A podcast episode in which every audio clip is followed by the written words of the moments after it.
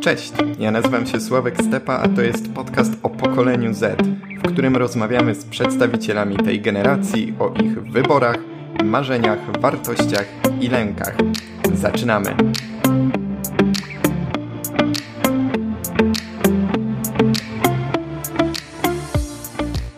Zazwyczaj jest tak, że ja mm, nakreślam jakąś sylwetkę gościa czy osób, z którymi rozmawiam, ale w Twoim wypadku pozwolę chyba oddać głos Tobie, z tego względu, że właśnie Ty różne rzeczy robisz w życiu, z niejednego pieca chleb jadłaś, więc jestem po prostu ciekaw, jak Ty się przedstawisz, co opowiesz o sobie, którym być może kawałek Twojej tożsamości jest tutaj dla Ciebie najistotniejszy. Więc zapraszam. E, the floor is yours. Okej, okay, no dobrze, no to może zacznę od w sumie powodu, dla którego podejrzewam, że mnie zaprosiłeś, no bo w sumie to też jest y, centrum ostatnio mojego życia, bo przede wszystkim no to pracuję w aż dzienniku i poświęcam na to godziny y, dziennie, więc zajmuję się memiarstwem i pisaniem artykułów, które w założeniu chciałabym, żeby były zabawne, y, czy są, nie wiem, ale staram się.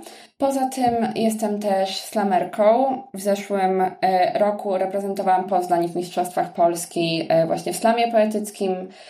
Wydaje mi się, że no, na co dzień staram się siedzieć jednak w polu literackim i poetyckim. Teraz mogę się pochwalić, że dostałam się do finału e, połowu biura literackiego, właśnie w naborze do prozy, więc no, staram się jakoś działać w tej sferze. Po, poza tym no, to skończyłam studia i zaczęłam poważne życie i bardzo brakuje mi chyba studiowania, w sensie przestawienie się na ten tryb, już tylko pracowanie 8 godzin e, dziennie jest jakieś dla mnie no, trudne strasznie. Studiowałam wcześniej sztukę pisania i filologię rosyjską, więc jednak te jakieś takie literackie powiązania cały czas za mną chodzą. Poza tym mam kotkę, mm, która jest trikolorką, ma na imię Mysza. Bardzo lubię jeść chipsy koperkowe. Nie lubię masła strasznie. U mnie w ogóle nikt w rodzinie nie je za bardzo masła i uważamy, że jest obrzydliwe. Czego Ci najbardziej brakuje w twoim, w twoim obecnym teraz życiu, właśnie kiedy dokonałaś takiego przejścia do tego dorosłego życia w cudzysłowie?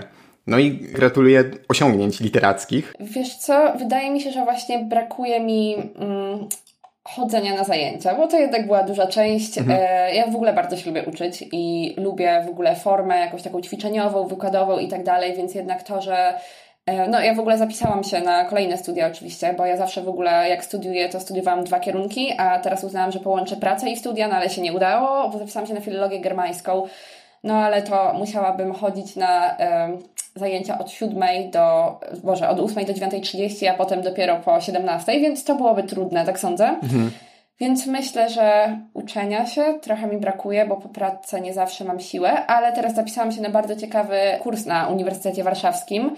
E, na Uniwersytecie Otwartym będzie taki kurs online, do którego serdecznie w ogóle wszystkim zachęcam, bo zapowiada się super. Nazywa się Queerowa Herstoria Literatury Kobiet prowadzona właśnie mhm. przez doktorę Annę Dżabaginę i no, brzmi jak super rzecz, więc myślę, że może to zaspokoi jakoś ten mój e, studiowy brak. E, do tego wszystkiego, co tutaj poruszasz, ja jeszcze też sobie będę pozwalał wrócić. E, natomiast chciałbym zacząć od aż dziennika właśnie, bo tak jak sama wspomniałaś, jest to pewien taki element Twojego życia, który teraz pewnie odbija się takim szerokim echem. Aż dziennik jest też takim dość specyficznym medium, a humor jest ogółem rzeczą dość subiektywną. Jak często zdarza się, że ktoś oburza się na Twoje artykuły, przyjmując ich treść na poważnie? Oj, to bardzo często. W sensie to jeszcze zależy, na ile artykuł akurat będzie lajkowany, no bo oczywiście zdarzają się jakieś teksty, które no, wydaje mi się, że w ogóle są super i bardzo się staram, a tak naprawdę mało osób komentuje. No ale jak poruszam jakieś no takie grubsze tematy, no, no chociażby jak ostatnio szliśmy dużo na fali artykułów na temat Jana Pawła II, po prostu odgrzewając wszystkie żarty i starając się coś z tego jeszcze wycisnąć, co no, no w ogóle to wspaniałe, bo bardzo dużo udało się z tego wycisnąć i żyliśmy w ty, z tym przez jakieś trzy dni. No ale no to strasznie dużo było jakichś osób absolutnie oburzonych na no właśnie, w sensie, bo dużo osób nie skroluje do końca i na przykład nie widzi tych e, podpisów, bo zawsze stosujemy dwa, to jest aż dziennik, ale to prawda, gdy używamy, gdy po prostu przekazujemy dalej jakiegoś newsa lub piszemy to jest aż dziennik, ale wszystkie zdarzenia i cytaty zostały zmyślone. No a dużo osób po prostu widzi nagłówek, um, może przeczyta um, początek, zobaczy zdjęcie, no i od razu je lecą komentarze. No ale zresztą też myślę, że no, bardzo często udaje nam się podrobić rzeczywistość, no bo chociażby w kontekście może ostatnich wydarzeń właśnie, jeśli chodzi o aborcję i Justynę Wydrzyńską, no to dużo osób właśnie komentowało, że no do samego końca artykułu nie mieli pojęcia, czy to są prawdziwe wydarzenia, czy jednak zmyśliliśmy. No, na przykład napisałam tekst o kobiecie, która została aresztowana po tym, jak weszła do galerii handlowej i dotknęła wieszaka.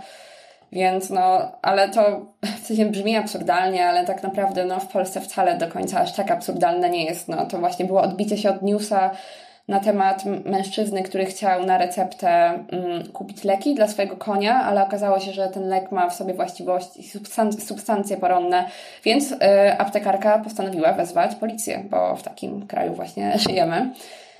Więc y, pytałeś o oburzanie się. Y, ale to w ogóle czasem mnie zaskakują rzeczy, o które się oburzają. Wydaje mi się, że w ogóle piszę jakąś taką niekontrowersyjną, e, neutralną rzecz, choć może to wynika po prostu z bańki, w której tkwię, że dla mnie te rzeczy już są takie totalnie oswojone.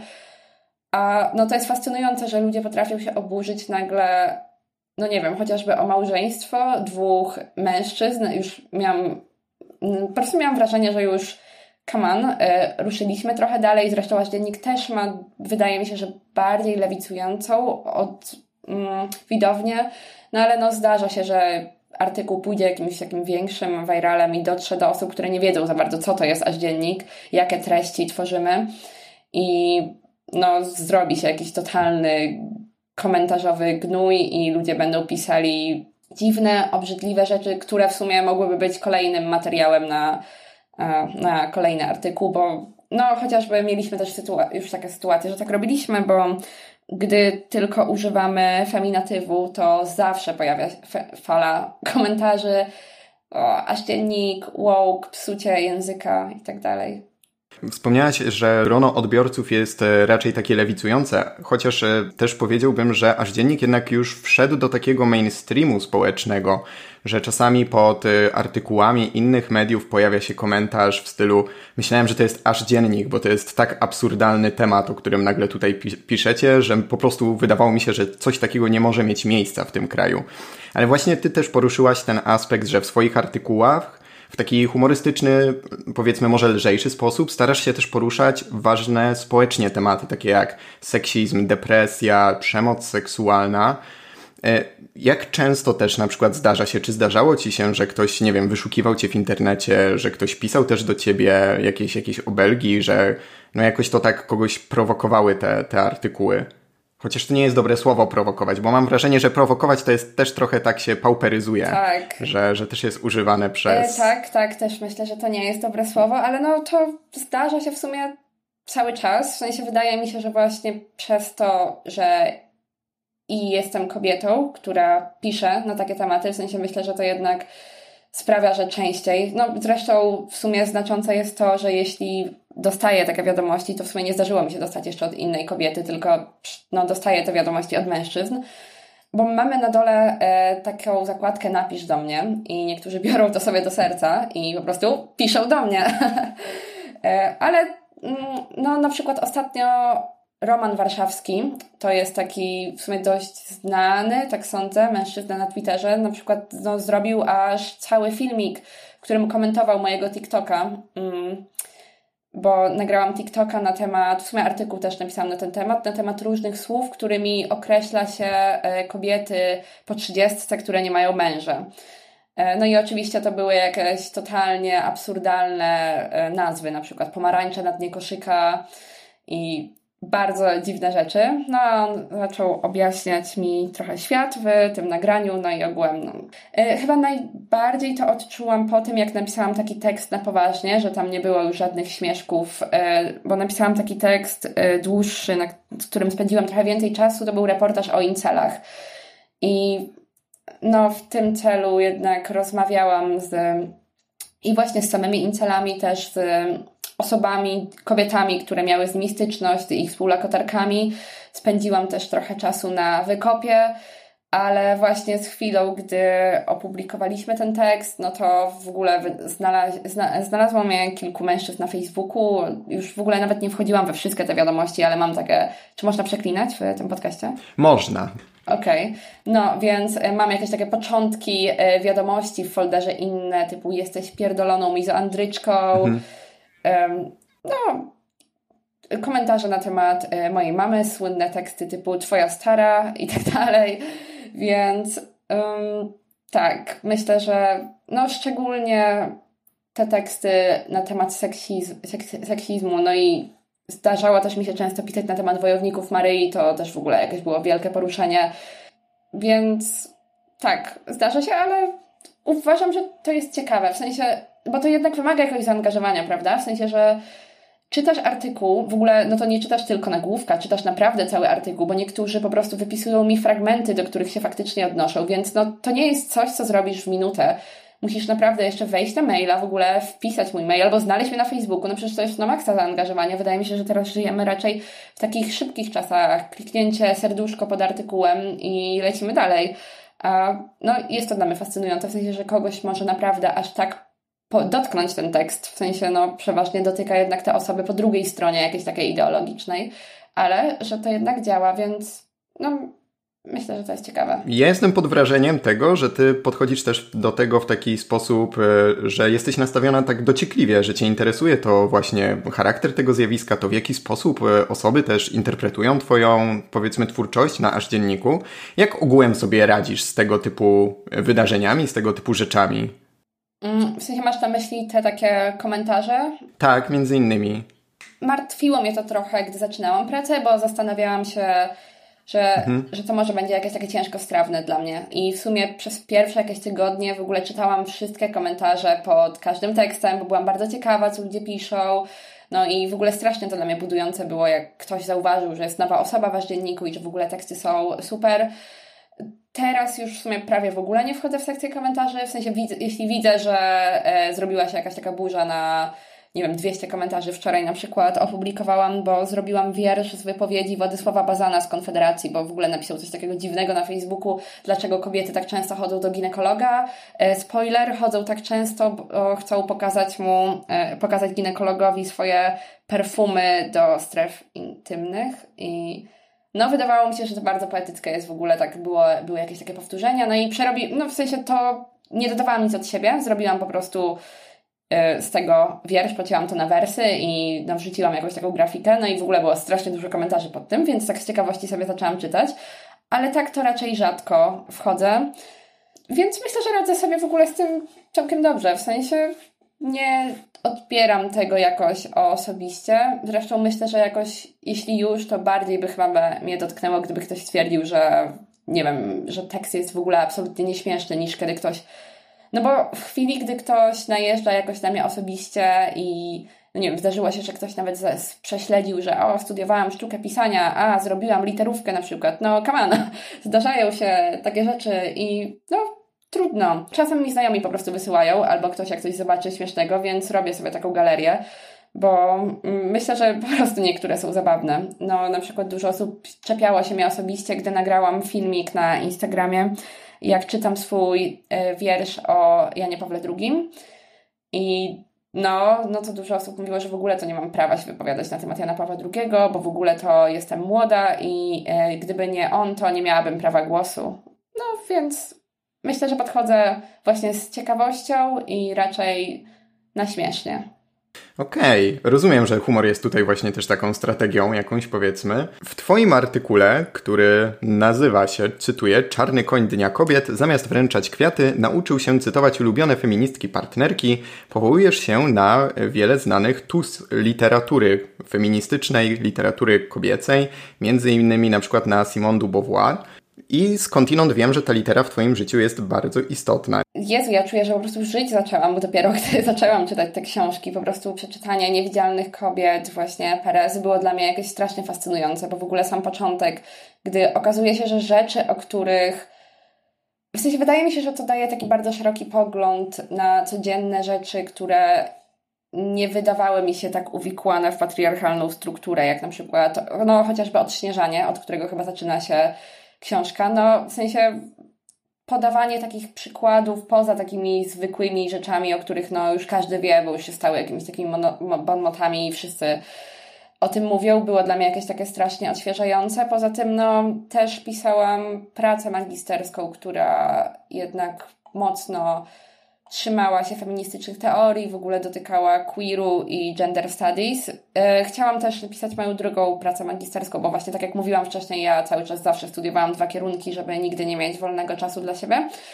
Ale jeszcze nie dokończyłam tej pracy w ogóle, bo dostałam pracę w dzienniku, więc nie mam czasu na dopisywanie mojej drugiej magisterki, ale chciałam pisać właśnie o sytuacji kobiet, w ogóle pozycji kobiet w powieściach uniwersyteckich, no i też tam dużo jest takich seksistowskich motywów, więc no jednak podporą teoretyczną byłyby te wszystkie feministyczne książki. No i no myślę, że to jest bardzo interesujące. No nie wiem, e, ostatnio wyszukuję sobie w sumie same takie rzeczy. Na przykład czytałam wspaniałe eseje dziewczyńs, e, dziewczyńskie e, Weroniki Murek.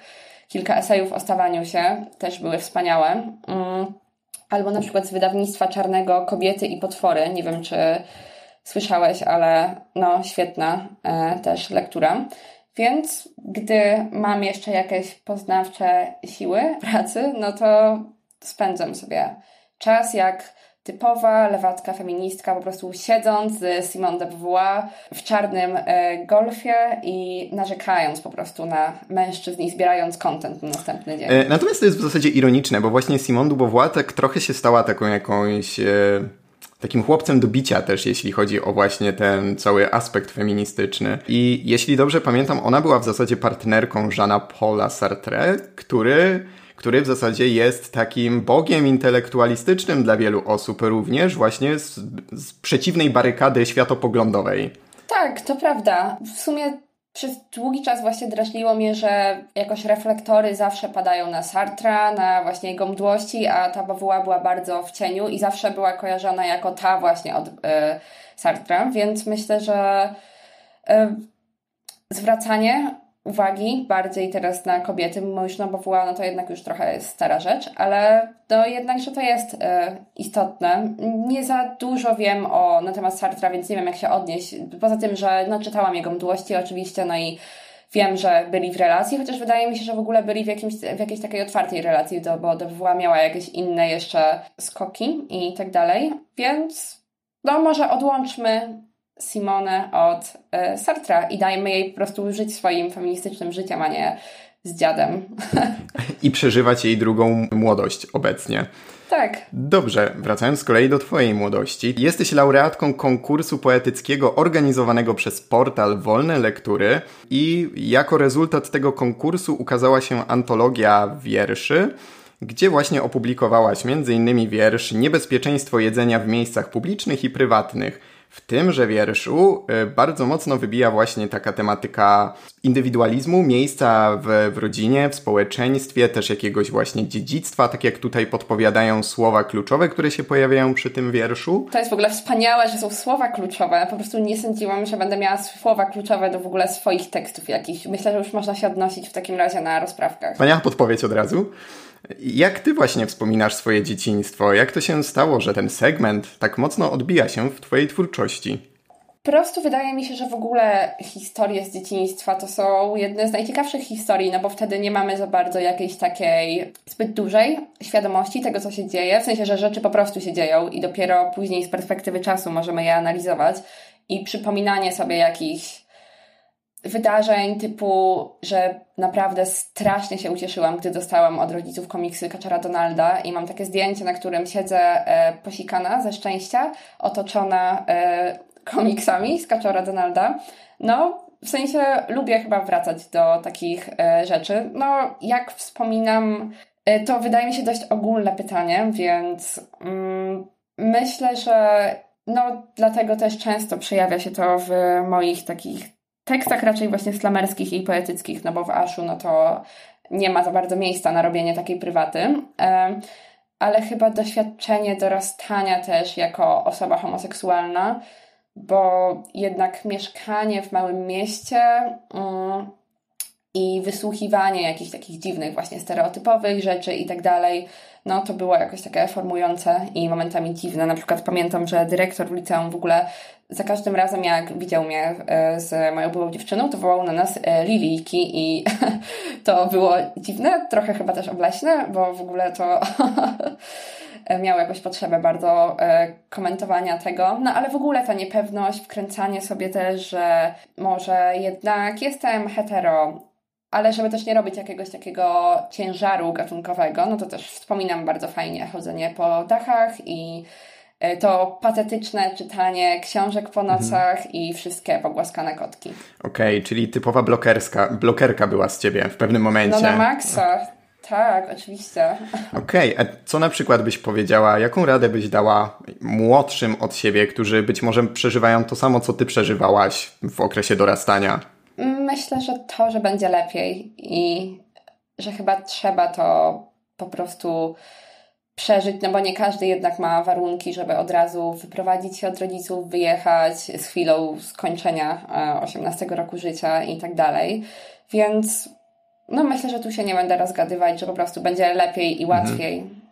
Ale zresztą no, może nie, może nie, jednak to może trochę bym zabrzmiała boomersko. Chciałam powiedzieć, że może już jest trochę lepiej, bo wydaje mi się, że na przykład w Poznaniu w wielu szkołach można sobie już na przykład iść ze swoją osobą partnerską e, w relacjach homoseksualnych na studniówkę na przykład, co w ogóle było jakoś totalnie nie do mhm. pomyślenia mhm. u mnie w sierpcu, bo o, zrobiłam sierpcowy coming out, ale pochodzę z sierpca, możesz kojarzyć z sera królewskiego sierpc i z piwa kasztelan. Albo nie, ale to okej. Okay. Sierpc, a, ale to jest ten sierpc taki, co jest pomiędzy, pomiędzy Toruniem a Warszawą? Tak, tak, to jest ten sierpc właśnie. No, ale właśnie pamiętam, że ja strasznie chciałam iść w ogóle z dziewczyną na studniówkę, ale to w sensie nawet nie miałam w sobie jakichś takich narzędzi i chęci, żeby o to walczyć, bo w ogóle to było mimo wszystko, w sensie miałam sobie chęć, ale to i tak było nie do pomyślenia, żeby w ogóle to wyartykułować i pamiętam, że nawet przed studniówką wychowawczyni opowiadała nam, no tylko dziewczyny to w ogóle to nie tańczcie ze sobą. W sensie oczywiście to nie było do mnie i do mojej dziewczyny, bo oczywiście też było nie do pomyślenia, żeby ktoś o tym wiedział, no bo come on. ale też, że no, żeby dziewczyny nie tańczyły z innymi, no bo jak to będzie wyglądało na nagraniach, więc wydaje mi się, że teraz już jest trochę lepiej, no ale wiadomo, że też nie wszędzie, prawda? Na pewno mamy jakieś Sierpc Experience w innych małych miastach. Ile mieszkańców liczy Sierpc? Około 20 tysięcy mieszkańców. Okej, okay, czyli faktycznie to podpada pod takie raczej małe miasteczka, albo pewnie któreś z tych takich miasteczek, o których w jednym z reportaży wydawnictwa Czarne mówiło się, że to są te miasta, którym grozi zapaść. Tak, tak. Myślę, że mamy tyle biedronek, że niedługo się, się zapadnie pod ich ciężarem. Jak z kolei wspominasz edukację? Jak na przykład wspominasz zajęcia z języka polskiego? No bo dorastająca Aleksandra siedziała tam, zaczytywała się być może w jakichś poezjach, w jakiejś, w jakiejś prozie, której być może jeszcze do końca nie rozumiała, ale było to formujące, więc jak wspominasz tę drogę? Okej, okay, no ja byłam totalnym ultrasem języka polskiego. W sensie, wiadomo, od początku e, ulubiony przedmiot i tak dalej. Też chyba miałam szczęście, przynajmniej na początku, do polonistek, bo no, spotykałam takie, które były dość wkręcone i gdy widziały, że ja jestem zaangażowana, no nie wiem, chociażby właśnie w poezję albo w mitologię, no to bardzo mhm. dbały, żebym no to rozwijała właśnie, a to oferowały mi jakieś konkursy i no właśnie w sumie w ogóle moja jakaś taka poetycka kariera zaczęła się chyba w ogóle z rywalizacji, bo pamiętam, że dowiedziałam się na temat kon o konkursie poetyckim i uznałam, że wow, to w ogóle mhm. wspaniałe i w ogóle nie miałam pojęcia, że funkcjonuje coś takiego jak konkursy poetyckie. To było w gimnazjum i miałam jakieś takie przebudzenie, że no to cudownie i mój pierwszy wiersz w ogóle, który napisałam, to od razu wysłałam go na konkurs i udało mi się go wygrać, ale to był koszmarny wiersz. E, pamiętam nawet, jak się zaczynał. Zaczynał się Mroczny Wszechświecie, demoniczna kula pośród gwiazd, więc w ogóle totalnie jakieś takie, wiesz, vibe e, osoby dorastającej, wojaczkowej, smutnej permanentnie, bo w gimnazjum wszyscy jesteśmy smutni. E, albo ja tylko byłam i tak przelewam doświadczenie. Faza emo, faza bycia gotem. O tak, no Maxa, no słuchaj, ja miałam grzywkę na jedno oko, więc jak jakże mogłabym napisać inny wiersz? ale w ogóle no to e, można go wysłuchać, to jest w sumie e, ciekawe, bo jak jeszcze nie pracowałam w dzienniku, to e, Marta i Zosia robiły wieczorek poetycki właśnie z jakimiś takimi guilty wierszami wstydliwymi z okresu właśnie na stoletniości i podesłałam tam i przeczytały i jest okropny, y, bardzo smutny, patetyczny i w ogóle straszny, polecam. No to akurat doskonały właśnie na smutki dojrzewania. Tak, tak, tak uważam. Wtedy bardzo się utożsamiałam z demoniczną kulą pośród gwiazd. Co byś w sumie zmieniła w edukacji? Co byś zmieniła w szkolnictwie teraz? Nie wiem, czy jestem kompetentna, aby wydawać jakieś takie wielkie i poważne sądy. Co prawda mam wykształcenie pedagogiczne, bo skończyłam specjalizację pedagogiczną, ale już robiąc ją wiedziałam, że chyba nie jestem osobą, która sprawdziłaby się do uczenia e, osób w szkole. Robiłam praktyki w liceum e, z języka rosyjskiego. Jakieś to było dla mnie trudne doświadczenie, bo w ogóle czułam, że wyglądam młodziej niż osoby, które uczę i że w ogóle mają ze mnie bekę. No ale no nie wiem, mogę powiedzieć o jakichś takich swoich spostrzeżeniach. Może w sumie na podstawie może właśnie takiego tekstu, który pisałam wczoraj, bo to jakoś tak sprawiło, że dużo o tym myślałam. E, bo pisałam wczoraj na temat podręcznika od polskiego, który miał nauczyć dzieci zaimków, a przez przypadek nauczył handlu ludźmi. Tak, no częste, częsty case, zdarza się tak. Wstawił jakiś mężczyzna, że odrabiał lekcję z córką i ćwiczenie, które miało właśnie uczyć zaimków, e, tam był taki komiks, w którym były dialogi, gdzie dyskutują sobie mężczyźni, w sensie no dyskutuje osoba, która będzie kupowała po prostu ludzi, e, że no za młokosa to zapłaci tam, nie wiem, 100 dukatów, za Chińczyka 50, a za poetę to w ogóle, nie wiem, jednego cekina. To w ogóle absurdalne to było. No i ja rozumiem, w sensie, bo to było z przygód Sinbada i to nie jest problemem, że na przykład omawiamy krytycznie jakieś teksty kultury, no ale w ogóle zaprezentowanie tego wycinka, gdzie, no właśnie, jedyne to, co on się zastanawia w ogóle, ile zapłacić za, oczywiście na tle e, tych mężczyzn skutych kajdanami, przedstawionych tak stereotypowo, jak tylko się da, e, więc wydaje mi się, że problemem jest prezentowanie wycinka bez w ogóle kontekstu i sensu, no bo nie wiem, jak mają się te zaimki do niewolnictwa. To tak jakby uczyć niemieckiego na Mein Kampf, więc w ogóle tak sądzę. Y, więc myślę, że jest dużo tekstów pokazywanych bardzo nieumiejętnie i to mnie chyba jakoś dotyka, że może w sensie moglibyśmy na języku polskim zrobić w ogóle super dużo rzeczy, które no, mogłyby być rozwijające. No oczywiście tak samo, jeśli chodzi o język inkluzywny i feminatywy, no ale też domyślam się, że pewnie nie zawsze jest na to czas i pewnie nie ma jakiejś złotej recepty na to, bo program nauczania i tak dalej. No, tak jak mówiłam, no ja nie siedzę w szkole, więc trudno mi powiedzieć, ale ja bym zrobiła to inaczej. Co jeszcze Twoim zdaniem powinno wylecieć na śmietnik historii? Co być może kompletnie już nie przystaje do współczesnych czasów, do współczesnej współczesności po prostu?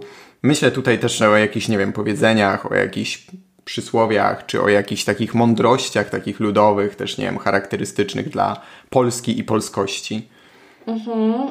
Mm, mnie zawsze razi, jak właśnie dużo osób naciska na to, że trzeba wychodzić ze swojej strefy komfortu i to dla mnie jest jakieś takie bardzo dziwne, bo no ja mam poczucie, że ja na przykład nie chcę wychodzić ze swojej strefy komfortu, jest mi w niej dobrze i mięciutko i jem sobie te swoje chipsy koperkowe i mam wygodny kocyk i w ogóle no to nie chcę, żeby ktoś mnie na siłę wyciągał. I to też jest chyba jakaś taka pokoleniowa rzecz, bo wydaje mi się, że właśnie już ci młodzi, że tak, nie wiem, czy jeszcze powinnam się do nich zaliczać, no ale powiedzmy, że tak, e, patrzą chyba trochę bardziej krytycznie i no no też w ogóle nie znam młodych osób, które faktycznie tak nieironicznie korzystają z jakichś takich powiedzonek, no bo kaman, kto jeszcze mówi na przykład mądry głupiemu ustępuje, w sensie wydaje mi się, że to już w ogóle jest jakieś takie, uwaga, cringe'owe. Mamy to. Mamy to. E, muszę jeszcze użyć odklejka i e, NPC, żeby się wyrobić. Nie, jeszcze, jeszcze w którymś momencie musi paść Essa. Jak nie będzie Essy, to wiesz, to, to nie. No to myślałam, że pożegnamy się Essą Sławek tak, po prostu. Tak, Essa Do, byczku. Dobrze. O, Je, o, Jezus, o Jezus, totalnie to tak. na koniec Absolutnie tak. Tak to, się, tak to się skończy. Dobra, no czyli generalnie self-care, tak? Zostajesz w swojej strefie komfortu ze swoimi chipsami. E, no i tak jak mówisz, dlaczego w zasadzie masz też e, z tego wychodzić, skoro jest ci dobrze, skoro się czujesz też bezpiecznie i to też wzmacnia jakieś różne twoje właśnie zasoby. Mnie też akurat jakoś tak personalnie to tak dotyka właśnie to, co też wspomniałaś, że młodszy czy tam mądrzejszy powinien ustępować głupiemu, bo to jest jedna z takich też rzeczy, które mnie jakoś bardzo drażnią, właśnie też takie, że pokorne ciele dwie matki z się, że właśnie zawsze trzeba być, no, że zawsze trzeba być wycofanym, że zawsze trzeba być ustępliwym, bo później to się spotyka z tym, że z kolei starsze pokolenia, mam wrażenie, że tak e, oczekują od ciebie, że przejmij inicjatywę, albo dlaczego tutaj jeszcze nie jesteś, nie masz własnego mieszkania, albo coś w tym stylu. I to się kompletnie jakoś tak e, nie spaja. W sensie, że wiesz, kompletnie różne takie podejścia. No tak, no a poza tym jeśli, no właśnie, nawet jeśli ktoś jest starszy, ale mówi jakieś głupie i szkodliwe rzeczy, no to mhm. no myślę, że nie z tego względu, to nie jest wystarczająco, że ktoś jest starszy, żeby w ogóle odstępować i odpuszczać. No nie wiem, mhm. ja czuję, że jestem tą osobą, która na imprezie pokłóci się od tego Jordana Petersona i będzie pisała potem długie teksty na ten temat. No i, no i koniec. Ty już prawie zostałaś taką właśnie Gretą Thunberry, bo e, nagrano, wow. nagrano, nagrano o tobie, tak? Tak jak e, Andrew Tate nagrał e, jakiś tam swój, e, swój, swoje wideo, ponieważ tak, nie mógł tak. już tego zdzierżyć. Więc proszę bardzo, na ciebie już też był pewnego rodzaju call-out, więc kolejne, kolejne... Czy Roman Warszawski trafi do rumuńskiego więzienia. Zobaczymy. Do jednej celi z Andrew Tatem. Nawet karaluchy nie chcą siedzieć z nim w jednej celi. E, wspomniałaś też o tym, że, że uczęszczasz na slamy poetyckie. Czym są slamy poetyckie? Bo... Tak, slamy poetyckie to mm, takie spotkania, e, wydarzenia kulturalne, na których różni poeci, slamerzy, bo w ogóle te definicje są teraz bardzo obgadywane, bo właśnie ostatnio jest dużo jakichś imp w środowisku, czy co jest jeszcze slamem, a co poezją. No ale zacznijmy od tego, że to jest przedsięwzięcie, w którym osoby rywalizują ze sobą na swoje teksty i e, losowo dobierane są w pary. I każdy ma trzy minuty, żeby się zaprezentować w jakiś sposób. Czyli, no, e, załóżmy, że właśnie mm, dopiero co byłam na slamie, slamie o rzeczach, na których, bo czasem są też tematyczne slamy właśnie, na których e, powinny, na których po prostu czytaliśmy slamy o rzeczach, więc, boże, teksty o rzeczach, więc ja czytałam e, teksty o kobietach e, w Polsce, które są traktowane jak e, rzeczy.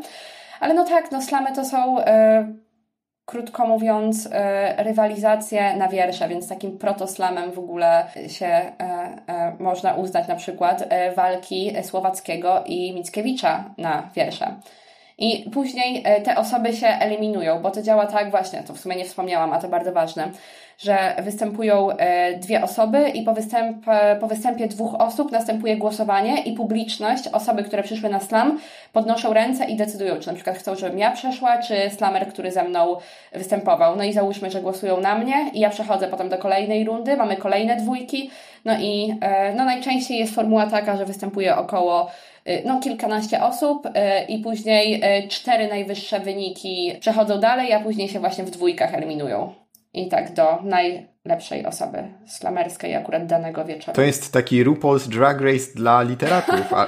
tak, absolutnie. W ogóle też freak fight myślę. No, chciałem powiedzieć właśnie, że fame MMA młodego pokolenia. Tak, tak sądzę, ale w ogóle no Myślę, że to jest wspaniałe, bo jednak dużo osób jednak przychodzi na te slamy i na przykład na ten ostatni, mhm. w ogóle on był we wtorek, więc w jakiś taki totalnie randomowy dzień, a mieliśmy na widowni około setki osób, wow. więc w sensie 100 osób, nie że setki, że kilka setek, ale jedna mhm, setka. Mhm. Ale jedna setka to też potężna setka, tak sądzę. Oh, come on, to jest przecież, nie wiem, jedna, jedna dwudziesta? Nie. Jedna, tak. jedna dwusetna sierpca. tak, dokładnie.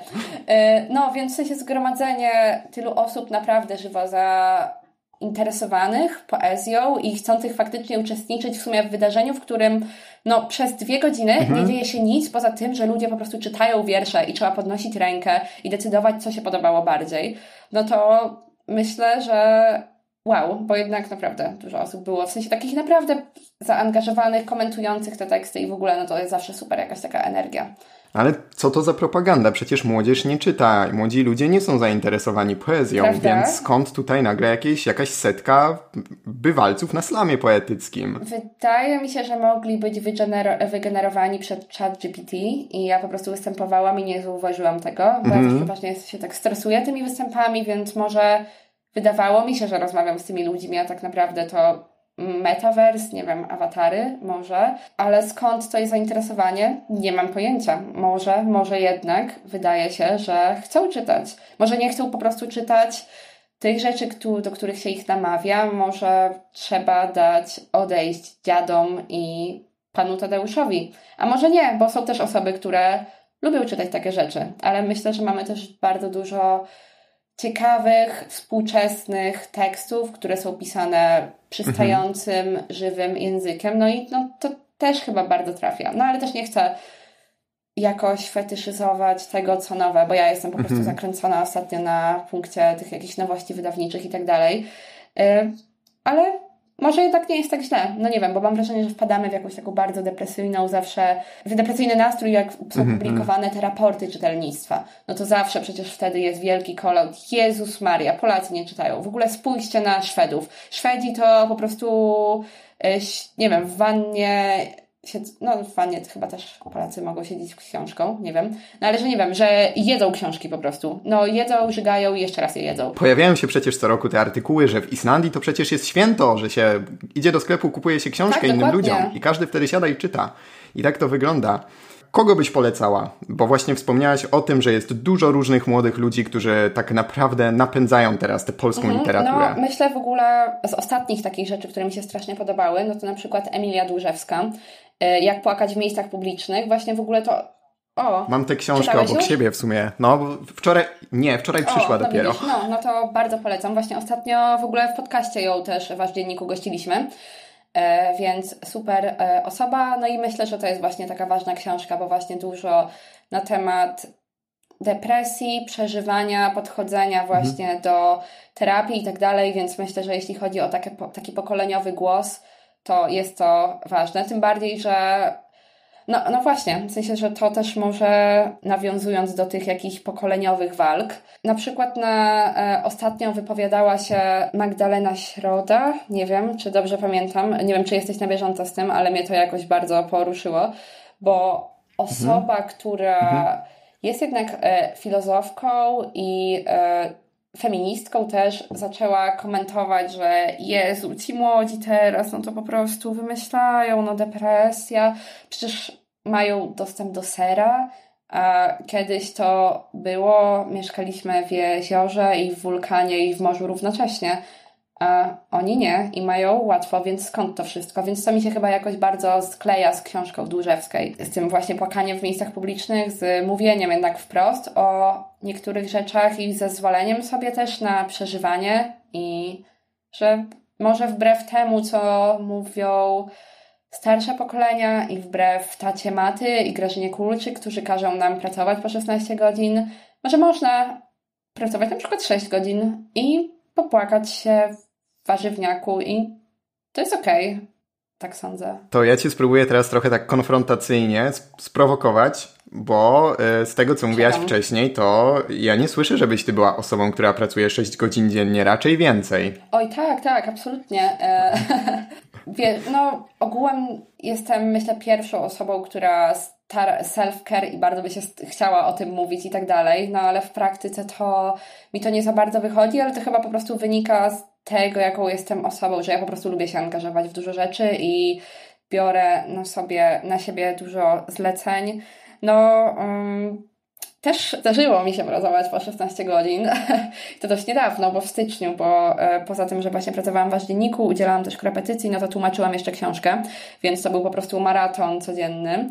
E, co nie zmienia faktu, że widzę bardzo użyteczność w pracowaniu mniej i sama też po sobie widzę, gdy no po prostu nie cisnę się i nie piszę czterech artykułów, a potem jeszcze trzech tekstów na slam i tłumaczenia, że no jednak jakość tego i moje samopoczucie i wszystko jest znacznie lepsze i lepsze rzeczy wychodzą, gdy no pozwalam sobie odpuszczać. No ale no wiadomo, nie zawsze też da się i w sensie nie wiem, no może się da, ale no ja po prostu cisnę siebie, żeby robić dużo, ale no staram się też właśnie tłumaczyć sobie, że okej, okay, może, może jednak można zrobić sobie drzemkę i odpocząć. No ale no może właśnie ta trudność, jaką mam, mimo iż jestem jednak, no myślę, że utożsamiam się jako osoba z pokolenia Z, no ta trudność wynika z tego, że no po prostu to jest strasznie skomplikowane przez to, że tyle osób programowało mnie do tego, żebym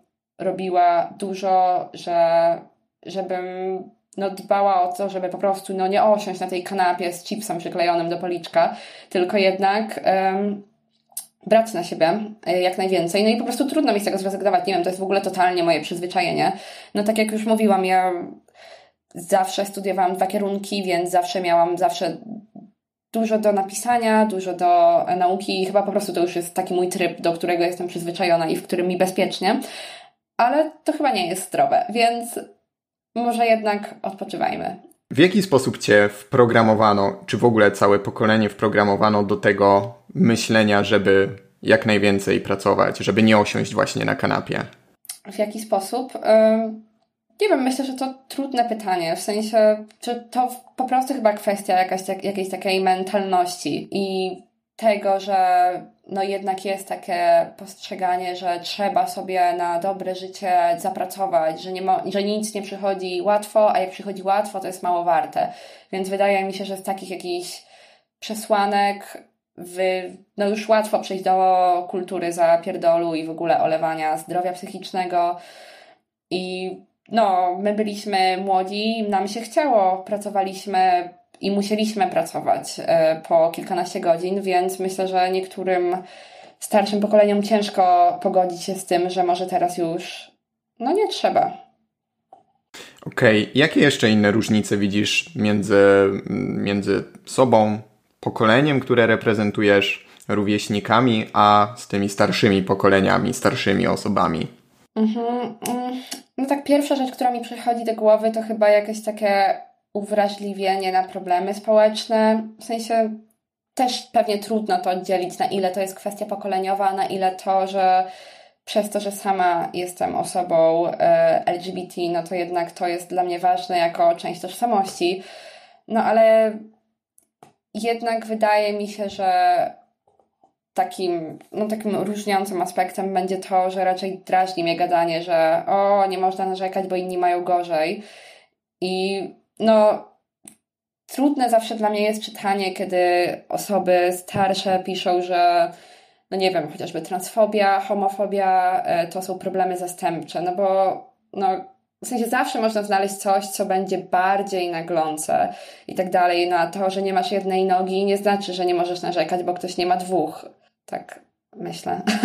O tym w ogóle świetnie pisze Ewa Wanat. W swojej książce Pieprzyć wstyd historia rewolucji seksualnej. I ona właśnie tam opowiada o tej pierwszej fali rewolucji feministycznej, kiedy to kobiety otrzymywały prawa do głosu. I cały czas przez w zasadzie cały XX wiek to jest ciągle powtarzająca się nieustanna śpiewka, że nie ma sensu zajmować się feminizmem na przykład teraz, czy prawami kobiet do edukacji, do głosowania, ponieważ są ważniejsze tematy, jak na przykład, nie wiem, zbliżająca się wojna światowa, wielka wojna, coś takiego, i że to cały czas jest spychane. I tak naprawdę no nigdy nie będzie dobrego momentu, ponieważ tak jak mówisz, zawsze będzie coś innego. Tak, w ogóle y, mam dodaną oczywiście tę książkę na mojej liście do przeczytania, więc myślę, że e, w takim razie skoro polecasz, to wejdzie na jakiś wyższy priorytet.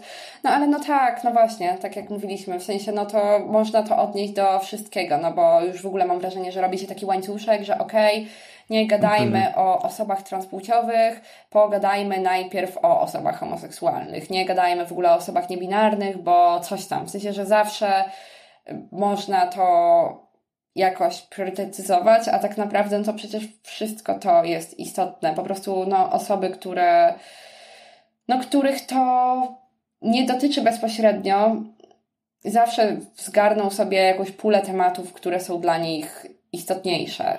Skoro już mówimy o tym, o czym się rozmawia, to zapytam Cię też, o czym wciąż niewiele się mówi, czy niedostatecznie wiele, a co jest równie ważne i uważasz, że powinno zostać jakoś ugłośniane.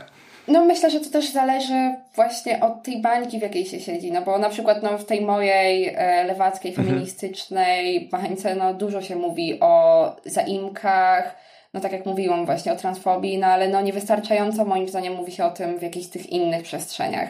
No ale jeśli już temat się ten pojawia, to raczej jako żart, oskarżenie o bycie zbyt woke e, lub, no właśnie, tak jak rozmawialiśmy, temat zastępczy, bo zawsze jest coś ważniejszego niż czyjeś prawo do samostanowienia, więc no ja w ogóle myślę, że temat języka jest super ciekawy i powinniśmy o tym mówić więcej, o inkluzywności, no począwszy od tej już wspomnianej, słynnej bitwy od famina, o faminatywy, która po prostu no, wraca falami cały czas. Po prostu nie możemy się jej pozbyć i zawsze są te komentarze typu a, psujecie język i zawsze zbijamy te same bezsensowne argumenty przeciwników językowych, purystów, zamkniętych w tej jakiejś dziwnej, patriarchalnej muszli, że po prostu nie można dos- rozbić tego, języ- tak jakby język w ogóle się nie zmieniał, no ale no to dużo osób mówi o tym mądrzej niż ja, na przykład są super wykłady Maxelona i tak dalej, więc no możemy do tego odesłać.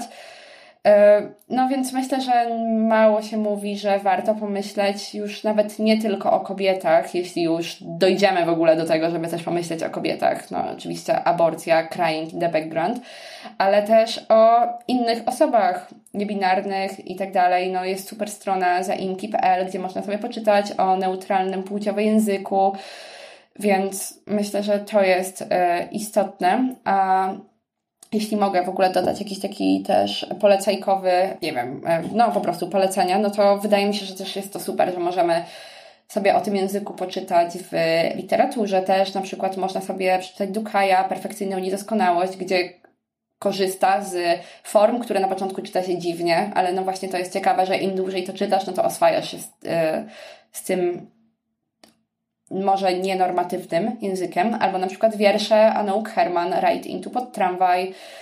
E, teraz wiem, że też ostatnio e, napisało książkę Nigdy nie będziesz szło samo i jeszcze nie czytałam, ale myślę, że to będzie coś dobrego, a przynajmniej potrzebnego społecznie, więc myślę, że możemy sobie więcej porozmawiać o języku, bo przecież mówimy nim cały czas, więc fajnie w sumie o nim rozmawiać, tak sądzę. No i język jest przede wszystkim tworem żywym, który cały czas ewoluuje, więc niezależnie od tego, no, nie mówimy, nie posługujemy się jakąś średniowieczną polszczyzną, czy, czy w ogóle, nie wiem, jeszcze jakąś starszą, starocerkiewno-słowiańską. O tak, miałam ten przedmiot na studiach. E, czy ty w takim razie masz na przykład jakąś, jakąś taką figurę, jakąś postać, która jest dla ciebie wzorem do naśladowania, jakiś role model?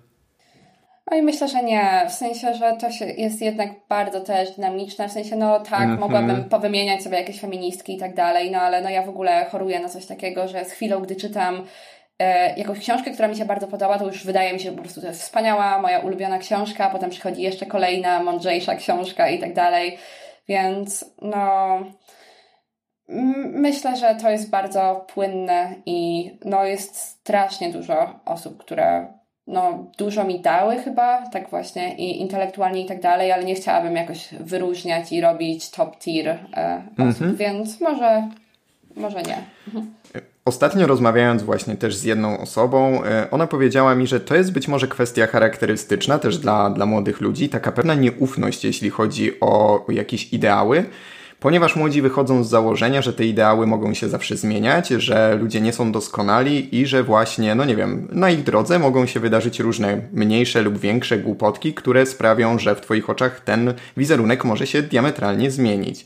I że to jest właśnie teraz, w tym momencie bardzo istotne, bo mamy tę słynną nagonkę i wojnę na Jana, świętego Jana Pawła II, tak? Papież tak. Polak. Wzór, po prostu ideał, przecież dla wielu właśnie boomerów, w sumie pokolenia też X, być może też niektórych milenialsów, niektórych też zoomerów. E, w każdym razie, e, ta osoba też zasugerowała mi, że to jest e, pewna cecha pokoleniowa, właśnie taka nieufność. Czy ty się jakoś z tym zgadzasz? Jakby, albo czy masz pewność, czy masz przypuszczenie, skąd na przykład nieufność u pokolenia Z skąd może się wywodzić? Znaczy, no myślę, że już w ogóle zrobiłam totalny popis nieufności, nie odpowiadając na pytanie o mój role model, więc chyba jednak wpisałam się w ten rys charakterystyczny pokolenia Z, po prostu nie, nie, nie wiążąc swojego nazwiska z żadnym e, modelem. E, skąd to się bierze? Mm, myślę, że teraz może wybaczamy mniej, w sensie, że jesteśmy mhm. bardziej uważni na jakieś dziwne rzeczy, które wcześniej puszczalibyśmy płazem temu e, wujasowi z wąsem, który będzie komentował e, piersi na przykład albo coś tam, nie wiem. E, więc w sensie rzeczy, które wcześniej były akceptowalne, chyba teraz już na szczęście nie są, więc też no, ciężej chyba się przywiązać, no bo wiadomo, e, do jakiejś takiej osoby typu wzoru, na przykład do Jana Pawła II, który na pewno nie wiedział. E, nie wiedział. To, to jest fakt. Skąd mógł wiedzieć? Skąd mógł wiedzieć? Nie wiedział. No Biedny tylko no, był CEO, nie? Jakby dali swojej tak. firmy, ale... No właśnie. więc myślę, że ta ostrożność jest jednak opłacalna. W sensie, no moglibyśmy też e, porozmawiać o tym bardzo przerażającym e, wielu ludzi cancel culture, czyli że w ogóle wow, wystarczy coś palnąć. Kiedyś to można było e, mówić. Jakub Czarodziej tu się na pewno by pod tym podpisał. Nie wiem, czy jesteś zaznajomiony z twórczością tego pana, ale właśnie też on często ma taką narrację, że no e, kiedyś to na przykład moja mama to miała ciężko i nie narzekała, a teraz to w ogóle, no i że właśnie łatwo tak kogoś skancelować. Może to prawda, może faktycznie łatwo, ale no też przeważnie odbywa się to z jakiegoś konkretnego powodu i może dobrze, że nie dajemy aż tak przyzwolenia na gadanie bzdur, no bo jednak można się jakoś weryfikować tym, co się mówi, co się myśli. No i to chyba nie jest złe zjawisko, nie? W sensie, ja bym chciała wiedzieć, jeśli mówię coś, co krzywdzi drugą osobę, więc. No i no właśnie, w sensie, jeśli nie eskaluje to w jakąś taką nagonkę, tylko po prostu jest takim sygnalizowaniem, że hej, e, może o tym nie wiesz, ale no to, co mówisz, jest dla kogoś krzywdzące i po prostu nie jest okej, okay, no to Myślę, że nikomu korona z głowy nie spadnie, jak się o tym dowie. A jeśli ktoś ci powie, że na przykład krzywdzi go to, w jaki sposób się wypowiadamy teraz o świętym Janie Pawle II?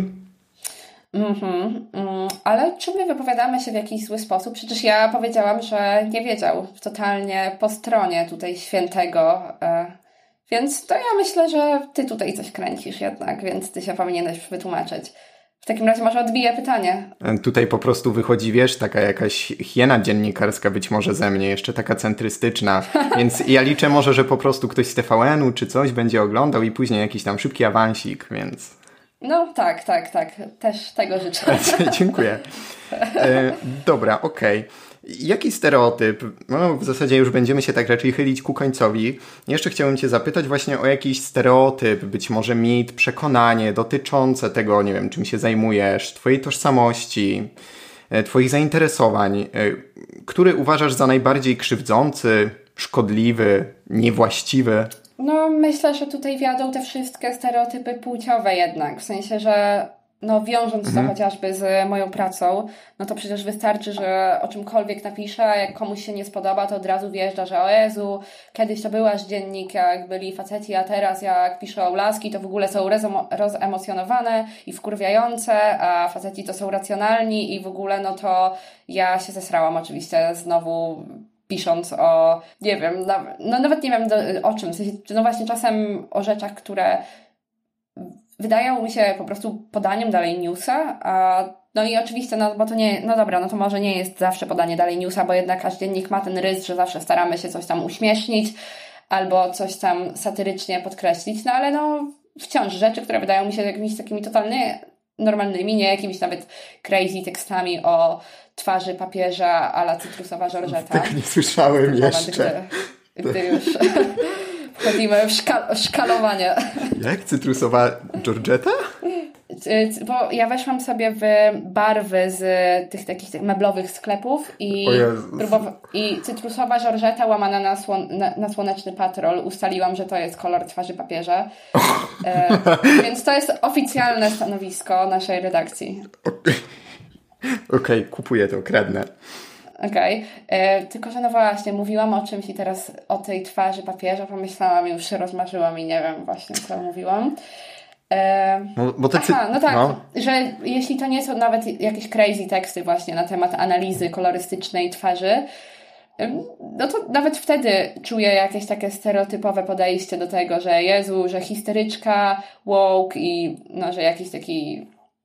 Więc myślę, że to jest jakoś takie bardzo odczuwalne, że w sensie, że od razu ktoś łączy rzeczy, o których pisze z moją płcią, jakby to było jakoś sprzężone, że okej, okay, czyli że jakby napisał to ktoś inny z redakcji, to byłoby okej, okay. w sensie to już byłby ten racjonalny y, pogląd, no ale no, no, no, myślę, że też w wielu przypadkach to po prostu y, wynika z tego medium satyrycznego, ale jednak podkreślanie, że to napisała kobieta, no jest jakieś takie dziwne. Y, no, jeśli chodzi o jakieś inne stereotypy, no to no tak, jakoś tak w głowie mam same takie płciowe, bo też jakoś bardzo drażni mnie myślenie o tym, że gdy kobieta się czegoś domaga, to jest bezczelna. A w sensie tak jakby no, ostatnio właśnie też czytałam tą książkę, o której już wspominałam, Kobiety i inne potwory, tworzenie nowej mitologii, która jest wspaniała w ogóle, jeśli chodzi też o stereotypy, bo pokazuje, jak bardzo myślimy też czasem o kobietach przez pryzmat potworów i tak dalej, więc właśnie ta figura kobiety bezczelnej, tam na przykład jest opisane, opisane są harpie z Eneidy, które domagały się e, domagały się, no właśnie, nawet ja już wchodzę w tę narrację, po prostu upolowały sobie woły, no i miały swoje woły na swoim terenie i wszystko fajnie, ale przyszli bohaterscy mężczyźni, którzy e, no, zabrali te woły, ale narracja w Eneidzie jest taka, że w ogóle te kobiety są bezczelne, bo domagają się swojej własności, a bohaterscy mężczyźni po prostu zabierają e, i oni są herosami, no bo odbierają im, więc e, kobieta, która chce czegoś nawet, co należy do niej, często jest jako jakaś taka bez klasy, jako bezczelna. W ogóle to, że kobieta musi być z klasą, to też jest w ogóle jakieś bardzo dziwne i no też już pisałam na ten temat tekst, bo czytałam sobie na jakiejś takiej lifestyle'owej stronie E, poradnik, jak być kobietą z klasą. I w ogóle tam były jakieś totalnie odjechane, stereotypowe rzeczy, jakby kobieta była automatem na uśmiechy, jakąś samoszczerzącą się maszyna do poprawiania, poprawiania nastroju innym i wykonywania emocjonalnej pracy, więc to, że kobieta musi za to odpowiadać, też mi się wydaje stereotypem, no, nawet chyba mi się nie wydaje, nawet wydaje mi się, że wręcz jest, ale nie wiem, czy mogę być taka kategoryczna. A masz jakieś ulubione artykuły takie jakieś, nie wiem, które... W sensie na Aszu? Czy takie ogólnie, które właśnie na przykład cię jakoś, nie wiem, triggerują, które są dla ciebie jakoś tak szczególnie zapadły ci w y, pamięć? Moje ulubione to wszystkie artykuły takie poradnikowe y, na podryw i w ogóle samców alfa, no to ja uwielbiam takie rzeczy, ale to nawet nie ironicznie, w sensie naprawdę sprawia mi dużą satysfakcję jakieś pogrążanie się w tym ścieku, no bo przecież w ogóle mam wrażenie, że też te rady na podryw są w ogóle nieprzystające. Przeszłam już kilka kursów podrywu i pisałam na ten temat artykuły. No, oglądałam filmiki i w ogóle, więc siedzę w tym mocno. W ogóle one, no, prawie wszystkie korzystają w ogóle z narzucania się kobietom na mieście, podchodzenia do nich, mówienia do nich dziwnych rzeczy, które niby mają być kreatywne, bo jednak mają cię odróżnić od y, tego y, typowego czy też nie wiem, czy to jest typowe, no ale wiesz, od takiej normickiego zagadania, na przykład o godzinę i próby wyłuskania z tego jakiejś rozmowy, to po prostu tam są jakieś szalone rzeczy, typu obraź ją, w ogóle to zmieszaj ją z błotem, że po prostu nie pozbiera się, a potem powiedz jej coś miłego, w ogóle, nie wiem, zrób jej jakąś emocjonalną karuzelę. I no wszystko jest takie dziwne, a z drugiej strony, w sensie to są przeważnie szalone teksty pełne dziwnych sytuacji, są bardzo gęste i no, fascynuje mnie to. I w sensie, no naprawdę bywa to męczące, ale bardzo lubię o tym czytać, bo to jest po prostu, myślę, ciekawe tak socjologicznie i w ogóle bardzo łatwo się o tym też mi pisze teksty, no bo no przecież żart pisze się sam po prostu, jak się czyta coś takiego. Przywołałaś negging właśnie, jeden z głównych takich filarów w ogóle pick-up artist i, i tego typu rzeczy, nie? Że właśnie trzeba jakoś obrazić, jakoś zdewaluować pozycję swojego rozmówcy e, i że to sprawia, że się jest e, jakoś tutaj, nie wiem, postrzeganym jako dominująca, ciekawa i pewna siebie osoba. Ale kończę już tutaj mój mainsplainingowy wywód. Dobrze. E, który z tych twoich artykułów właśnie na Aszu jest twoim ulubionym? Ojej, nie wiem, w sensie trudno powiedzieć, po prostu produkuję ich bardzo dużo i raczej nie zastanawiam się nad takimi rzeczami, przeważnie piszę trzy na dzień, więc w ogóle no to już bardzo szybko nawet po prostu piszę i zapominam o nich. Ale no lubię jakieś takie pisać, rzeczy typu wybijające z rytmu. Na przykład napisałam w październiku taki artykuł, e, zacytuję nagłówek. 28-latka dramatu chciała napisać piątek, ale jest już artykuł. I jest to tekst bez znaków interpunkcyjnych i jest po prostu jakimś takim strumieniem świadomości o tym, że trochę się nie chce, ale też się wszystko miesza i bardzo przyjemnie mi się pisało takie rzeczy i no, myślę, że jest fajny, ale e, no, oczywiście nie przebił się za bardzo, no bo. Trochę taka awangarda, trochę taki James Joyce e, współczesnego pokolenia. Wow. tak jeszcze nie zostałam nazwana, więc e, okej, okay, dzięki chyba. Okej. Okay. Jakie jest Twoje największe osiągnięcie? Co uważasz za swoje największe osiągnięcie? Ech, ojej, no to znowu tak właśnie trzeba zrobić jakiś taki ranking i właśnie zawsze mi ciężko, jak ktoś mnie o coś takiego pyta, to jak jest taka twoja ulubiona książka, twoje coś tam. No, myślę, że jednak wiązałabym to z tą pracą twórczą. W sensie, nie wiem, na przykład strasznie byłam zadowolona, że na podstawie moich wierszy by odbył się spektakl e, czytanie performatywne, bo wygrałam taki konkurs w teatrze ósmego dnia w Poznaniu, no i w ogóle to było super doświadczenie, widzieć jak aktorzy odgrywają moje teksty i, i czytają je i w ogóle słyszeć je w ustach innych osób, nie, nie swoich. Kiedy czytam na slamie, no to to w ogóle było jakieś szalone doświadczenie. No myślę, że to reprezentowanie Poznania na slamie też było dla mnie i stresujące, ale też jakieś takie, czułam się taka bardzo podbudowana, że jednak wow, e, osoby mnie wybrały głosowaniem i że podobają się moje teksty, więc myślę, że to, że mogę się jakoś realizować pisząc rzeczy na co dzień jest spoko osiągnięciem. No i jednak spodziewałam się, że po studiach humanistycznych wyląduję nieszczęśliwa w jakimś korpo, gdzie prawie trafiłam i będę odklepywać jakieś Excele i inne rzeczy, a w sumie wyszło, że piszę sobie na co dzień, więc wow, no to jest miłe i fajne i niespodziewane dla mnie. E, to jest świetne, że w ogóle właśnie masz taką też e, możliwość spełniania się na różnych polach, że, że to jakoś też jesteś w stanie ze sobą łączyć, że dużo też jest w tobie takiej inspiracji i też e, planów takich pozytywnych odnośnie przyszłości. E, więc e, dzięki za odwagę, dzięki za dzielenie się swoimi przemyśleniami, za otwarte mówienie również o swojej tożsamości. Uważam, że to jest ważne, że to jest też takie wzorcowe, e, też pokazywanie i modelowanie w pewien sposób takich właśnie otwartych czy takich postaw. Aleksandra, czego można Tobie życzyć? Myślę, że essy i żeby wszystko było slay. Okej, okay.